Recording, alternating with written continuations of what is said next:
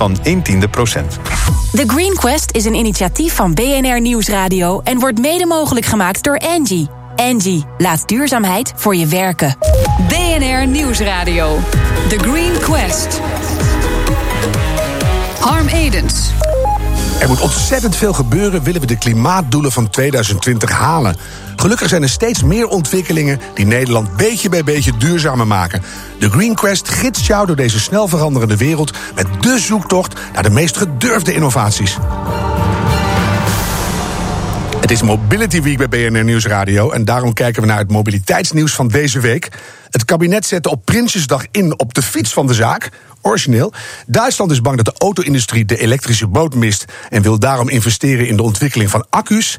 En het is een jaar geleden dat tientallen bedrijven wereldwijd zich committeerden aan de EV100 en daarmee beloofden om per 2030 over te stappen op volledig elektrisch transport.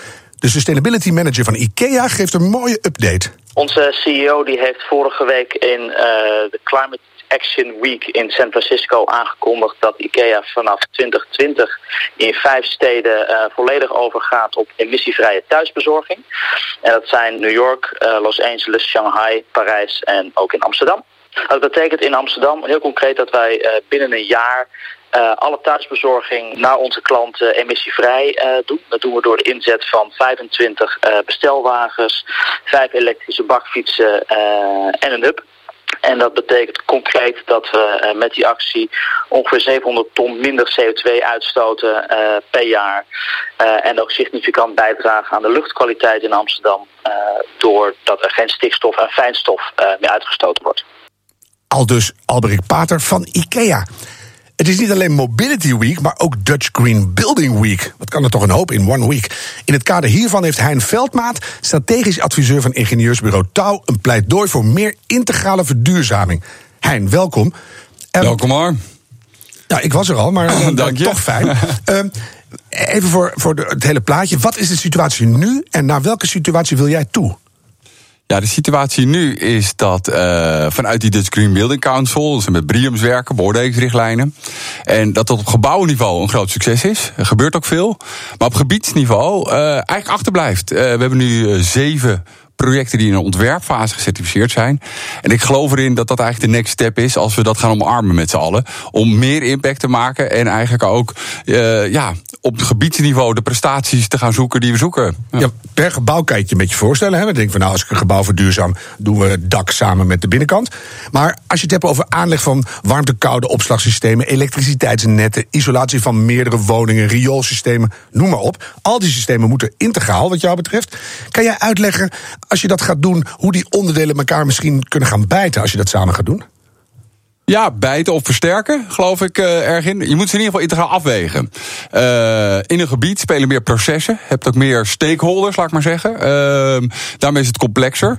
Maar je zijn ook uh, grotere kansen te halen. Als je bijvoorbeeld kijkt op gebouwniveau, dat die op energiegebied nu goed presteren. Maar dat we eigenlijk verhopen dat ze vergroenen. Groene daken, groene gevels. Maar de bijdragen die daaruit komen, liggen veel meer in de leefomgevingskwaliteit daarbuiten. Nou, dat is het gebied. In het gebied ga je ook zien dat klimaatadaptatieopgaves, laat ik maar zeggen uh, hun ruimteclaim gaan hebben. Maar tegelijkertijd uh, synergie kunnen gaan leveren met bijvoorbeeld behoud van biodiversiteitsopgaves of uh, leefbaarheid van het gebied. Je noemt zelf al meerdere stakeholders in een gebied. Daarom noemde ik ook echt even bijten. Want iedereen heeft andere belangetjes. Nou, je voelt de polder alweer ontploffen. Ja, ben ik niet bang voor. Ik denk dat wij uh, sterk zijn in polderen. En uh, veel stakeholders uh, in toenemende mate ook bereid zijn om te gaan samenwerken.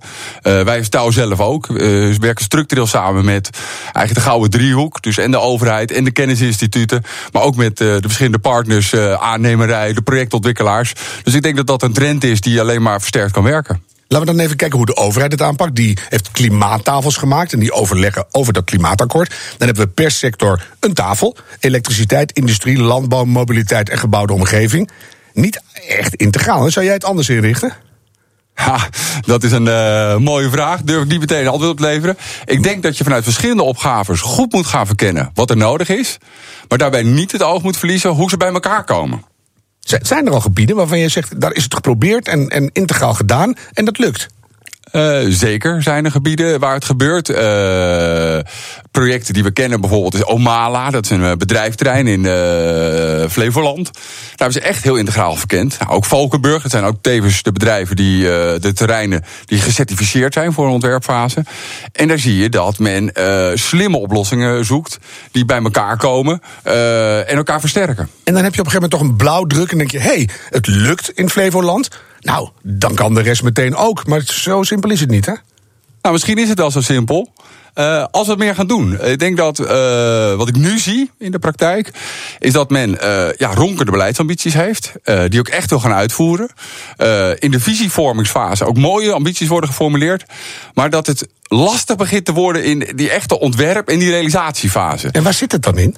Omdat op dat moment eigenlijk de stok achter de deur begint te ontbreken. Dan begint de normale projectorganisatie met budgetten en dat soort zaken. Ik weet er wel een paar hoor. Uh, klimaatverandering, uh, uh, grondstoffen raken op, migratieproblemen. We moeten daar veranderen en een beetje snel. Uh, mee eens. Dus we zijn er aan het veranderen. Maar om dat te versnellen, denk ik dat het goed is dat we gemeenschappelijk uh, in eenzelfde methodiek gaan werken. Uh, maar ook zorgen bijvoorbeeld voor bestuurders, maar ook gewoon voor Kamerleden of gemeenteraadsleden. Dat ze op een gegeven moment zeggen: Ik weet wat ik vraag. Ik vraag om een bepaald niveau. En dat wil ik op een gegeven moment ook zien. En daarmee zorg je ook dat het op een gegeven moment via een audit afrekenbaar blijft. En helemaal doorzet en zijpelt in maatregelen in de uitvoeringsfase. Maar nou, nou schijnt dat toch heel moeilijk te zijn. Ik heb even mijn huiswerk gedaan, want ik wist dat je kwam natuurlijk. Je noemde net al de BREEAM-certificaten voor gebouwen eh, van de Dutch Green Building Council. Als je nou kijkt naar uh, die per, per gebouwcertificaten. In 2017 kregen 227 gebouwen zo'n certificaat. Kijk je naar de gebiedsontwikkelingen, maar vijf in zes jaar tijd. Of net andersom, zes in vijf jaar tijd. Heel weinig. Correct. Nee, uh, het zijn er zeven volgens mij op gebiedsontwikkeling wel precies oh, te zijn. meteen bijgekomen hoor. ja. En je ziet eigenlijk dat het afneemt zelfs. Het is de laatste jaren maar eentje per jaar. En uh, mijn pleidooi is om daar wat aan te gaan doen. Uh, we moeten die keuzes gaan maken om een versneld lerend vermogen te krijgen. Als je daar meer hetzelfde in doet en ook zorgt dat die integrale afweging plaats gaat vinden, moet je denk ik gaan zeggen: we gaan tegelijkertijd in dezelfde dingen werken. We kunnen het monitoren en daarmee sturing leveren en die ontwikkeling meer impact laten maken. Ja, en jouw enthousiasme zal het niet liggen. Wat heb jij nou echt nodig om die stappen te kunnen gaan zetten? Um, wat heb ik nodig? Nou, ik, ik, begon er net al een beetje mee. Ik denk dat het heel krachtig gaat zijn als we aan de voorkant, bijvoorbeeld als een gemeente een concessie in de markt gaat zetten voor een woningbouwlocatie of een bedrijfterrein. Um, gewoon gaat stellen: ik wil een bepaald niveau halen wat verifieerbaar is. Nou, of het dan de BRIEM gebiedsontwikkeling is, die ik denk uitermate geschikt is, uh, of een ander iets. Maar zorg dat het verifieerbare prestaties zijn. En zorg ook dat we een beetje hetzelfde gaan doen, zodat je ook momentum kunt kweken. Neem niet weg dat binnen zo'n BRL voldoende ruimte is voor nieuwe innovatie, waar je aparte punten mee kan krijgen.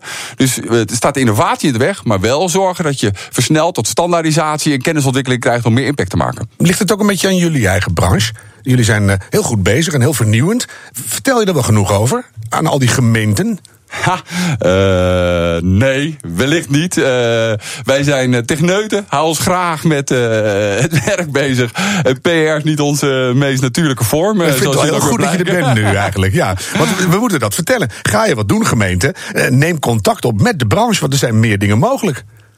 Ja, en dat vind ik dan te generiek. Ik hoop eigenlijk dat we gewoon gaan zeggen... laten we het gemeenschappelijk oppakken. Laten we zo'n methode kiezen of ontwikkelen. Maar hij ligt op de plank. En ik denk dat als we daar meer inzet op eh, plegen... dan kan die eh, BRL, dus zo'n beoordeling, zo'n handreiking... waar alles in staat, ook versneld doorgroeien. Want dan heb je genoeg momentum en investeringskracht erop... dat die ook agile al genoeg kan zijn... om snel adaptief op die nieuwe ontwikkeling in te spelen. Mijn favoriete woord, agile. nou noemde je net al klimaatadaptatie. Er zit meer aan dan samen met die sectoren allemaal werken. Je moet het hebben over duurzaam en circulair en klimaatadaptief. Ik, ik heb het gevoel dat duurzaamheid de laatste tijd eigenlijk alle aandacht krijgt. Klopt dat? Uh, nou, um, laat ik het zo zeggen. Want daar zijn we zo goed is een onmogelijke term geworden. Mm nou, ik ben er ook druk mee bezig om daar weer betekenis aan te geven voor onszelf en ook uh, voor mijn collega's. En wat ik eigenlijk zie van, er zit dus een People Planet Profit discussie in. Vanuit touw komen we dominant vanuit de planethoek. En wat beïnvloeden, wat zijn dan de vragen, de opgaves die eronder zitten, die horen onder de ontwikkeling. Zie je energietransitie op één, denk ik. Klimaatadaptatie op twee. Mhm. Circulaire economie, dominant in ontwikkeling. En daar zijn we echt aan het kijken hoe gaan we daar sturing aan geven. Daar hebben we veel verwachtingen van. Behoud van biodiversiteit of natuurlijk kapitaal is een hele belangrijke opgave. Ook sturing aangeven. Verhogen van biodiversiteit. Ja, alsjeblieft. Maar Dat laten we weer omhoog. behouden. Ja. We zijn wel uit de pad, want het gaat hartstikke slecht ermee. En een hele belangrijke vijfde die we wel eens eh, niet meer zien... is milieuzorg, CQ gezonde leefomgeving. Ja. Dat we schoon water hebben, schone bodem, luchtkwaliteit... zit er allemaal in gepakt. Als je die vijf opgaves beschouwt en in verband met elkaar bracht... heb je het denk ik vanuit de planetkant over duurzame ontwikkeling. Moet je nog niet verontachtamen dat er een heel belangrijk sociaal domein is... en economisch domein waar je de raakvlakken mee moet managen. Het is wel veel, hè, Hein? Ja, mooier wordt het niet. Trouwens, even tussendoor. Ik heb ooit geleerd dat je die people en die planet helemaal niet los moet zien. Want die wonen bij elkaar. Dus dat moet je gewoon als één ding zien. Ja, dus samen. En dat doen ze Ja. in een omgeving van de economie. Dus eh, laten we het alsjeblieft samen zien, ja. Je, je schetst het net al in een paar zinnen. Dan denk ik, kunnen we die integrale aanpak al aan? Of wordt het dan zo groot dat we totaal niet meer weten waar we moeten beginnen? Nee, eh, we kunnen het heel goed aan. Eh, belangrijke voorwaarde is dat je een stukje eh, procesverzwaring aan de voorkant realiseert. In die visievorming, ambitievormingsfase. Daar ook echt investeert in die mensen. Het is integraal als mensenwerk. Dus je moet die mensen tegelijkertijd aan die tafel krijgen. Eh, de ruimte geven in zo'n kernteam. Om ook eh, zorgen dat het in alle haarvaten van zo'n project afgehekt raakt. En dan gaat dat goed. En, eh, en het is ook ontzettend leuk. Je ziet dat die, als die disciplines elkaar in contact komen. dat het dan echt begint te floreren. Het gaat goed en het is leuk. Beter kan. Dankjewel, Hein Veldmaat van Touw. De markt voor elektrische auto's is al aardig op weg. Maar de motorrijders houden nog altijd vast aan hun ronkende machines. Harm Besseling probeert daar met zijn innovatie veranderen.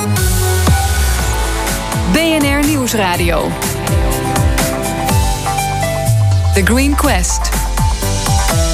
Welkom bij deel 2 van de Green Quest. Elke week kiest ons Green Team uit de aanmeldingen een bedrijf dat volgens hen het verschil kan maken.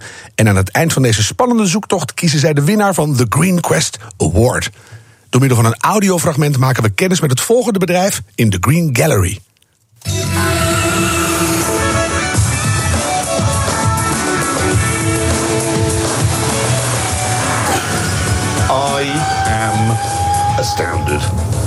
It is as quiet as a library for church mice. 100 miles an hour, 120, 130, 140. This is mind-boggling. And listen.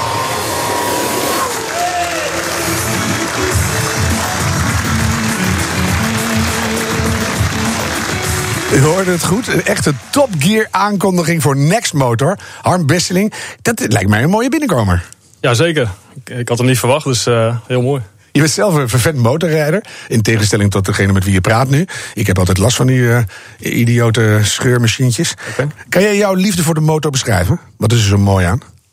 Eh, nee, de, de snelheid, denk ik. Ik ben al vanaf mijn twaalfde aan motoren aan het sleutelen. Dus ja, het, het, snel, het snel gaan. Ja, wat sleutelen is juist eh, eh, op één plek en lekker technisch klungelen. Ja. Maar de- uiteindelijk is toch het doel er zo hard mogelijk over het asfalt razen. Dat is het doel eh, die je haalt door te sleutelen. Dus, Ja. Tenminste, dat was het toen ik een jaar of twaalf was. En, Ja, En nu is sleutelen ook belangrijk geworden. Ja, ja precies. En, en die snelheid snap ik. Dat oorverdovende geronk, hoort dat er ook bij? In principe wel. maar dat, dat gaat er natuurlijk wel uit. Daar ontkomen we niet aan.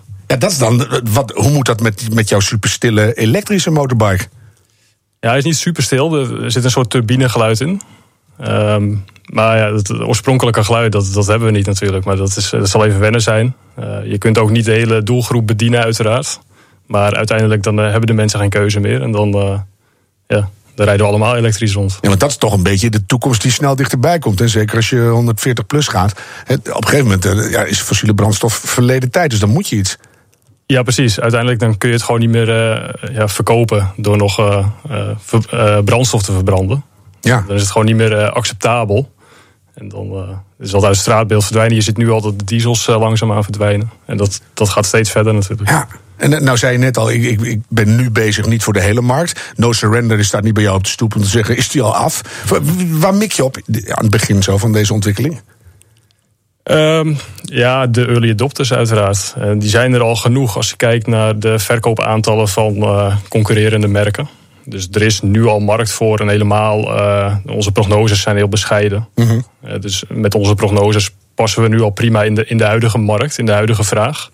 En uh, de elektrische verkopen die verdubbelen eigenlijk ieder jaar. Dus die markt groeit enorm. Dat hoor je eigenlijk niet zo. Hè? Want die auto's, dat hoor je wel. Steeds meer uh, stekkers aan de wagens. Maar die motoren, dus eigenlijk altijd nog dat ouderwetse geronk. Hoe, hoe staat de branche erin? Staan die uh, lekker enthousiast van de zijkant te kijken? Of zeggen die van nou, we moeten het nog zien? De motorindustrie die loopt eigenlijk altijd een jaar of 10, 15 achter de auto-industrie aan. Dat zag je ook met de katalysator. Die, die is pas recent verplicht eigenlijk bij motoren. Ook wel ja. erg eigenlijk. Ja, de industrie is heel conservatief. En dat zie je ook met het uh, elektrificeren van, uh, van het aanbod. Waarom ben jij zelf je eigen elektrische fiets gaan maken? Want er zijn er al een aantal. Wat, wat doen jullie anders? Uh, wij denken dat het nu ontbreekt aan elektrische motoren die de motorliefhebber ook wilt hebben. Aha. Wat, wat is er aan jullie zo hebberig makend? Uh, wij hebben eigenlijk een, een, motor die qua rijwielgedeelte en qua uh, ophanging, et cetera, niet onderdoet voor een, uh, voor een goede met een verbrandingsmotor. Ja. Alleen normaal zie je dat die elektrische motoren die daar niet voor onderdoen, dat die 30.000 euro plus zijn. En die van ons is wat meer marktconform geprijsd. Maar je weet al wat die gaat kosten? Ja. Nou, zeg het maar even dan. Ja, de, het eerste model die komt tussen de 19 en de 24.000 euro op de markt. Het instapmodel. Het instapmodel. en het jaar daarna dan komen er modellen omheen. Die, zodat we een wat breder ja. uh, segment uh, afdekken. Jullie is eigenlijk een opstapmodel, hè? Precies. Nou heb je vanaf je twaalfde aan die dingen gesleuteld. Waar haal je ineens de kennis en de skills vandaan om een elektrische motor te maken? Het lijkt mij totaal wat anders. Uh, het rijwielgedeelte is eigenlijk hetzelfde. De aandrijftechniek is anders en die is eigenlijk veel eenvoudiger. We hebben maar één draaiend onderdeel. Het is eigenlijk net als een uh, simpel gezegd een elektrische tandenborstel. Dus een batterij met een motortje en een regeleenheid ertussen die je toerental regelt. Meestal snap ik niks van vergelijkingen, maar deze is echt heel goed. Ja, dit is heel, heel makkelijk te begrijpen. En ik van ja, oh, dat snap ik. Ja. Oh, dus je gaat er eigenlijk op vooruit. Technisch gezien is het veel simpeler. Ja, Mooi. We hebben een hele goede jury die de Green Quest volgt en die ook kiest en die jullie uh, echt tegen het licht houdt. En elke week stelt een jurylid een vraag. En deze week is dat Marleen Prins, zij is HR-officer van Engie. Luister goed. Ik heb inderdaad een vraag van X-Motors, want als ik naar jullie luister en naar de stukken kijk, ben ik zeer benieuwd in hoeverre jullie een product hebben wat eigenlijk een propositie is wat gebruik maakt van bestaande technologieën, hè, zoals bij de elektrische auto of scooters.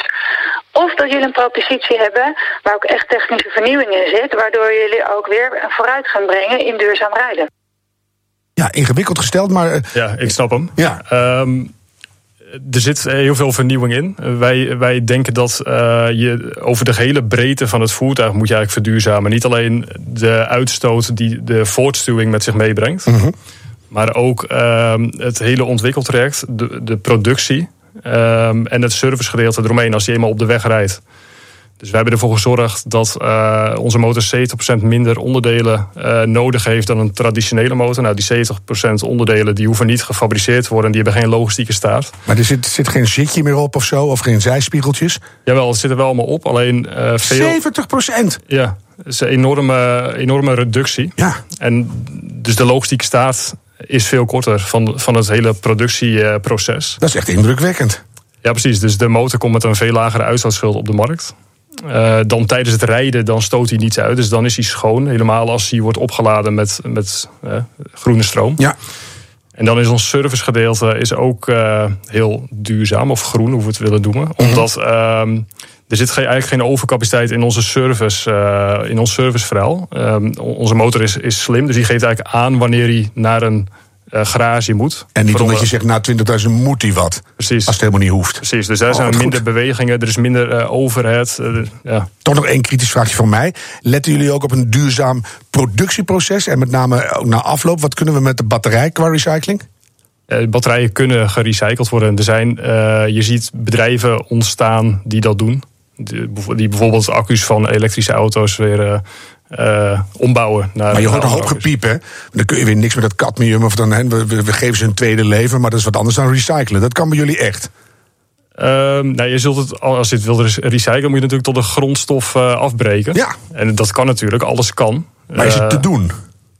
Waarschijnlijk wel. Als er iemand daar echt uh, voor zich gaat inzetten, dan is dat wel te doen. Ik, ik weet voel niet. dat hier nog een klein research momentje bij moet. Maar dat komt. Ja. ja. Jullie zijn uh, voor deze competitie relatief pril, want het prototype is klaar. En nu ga je ze verkopen. Wanneer ben je break-even, denk je?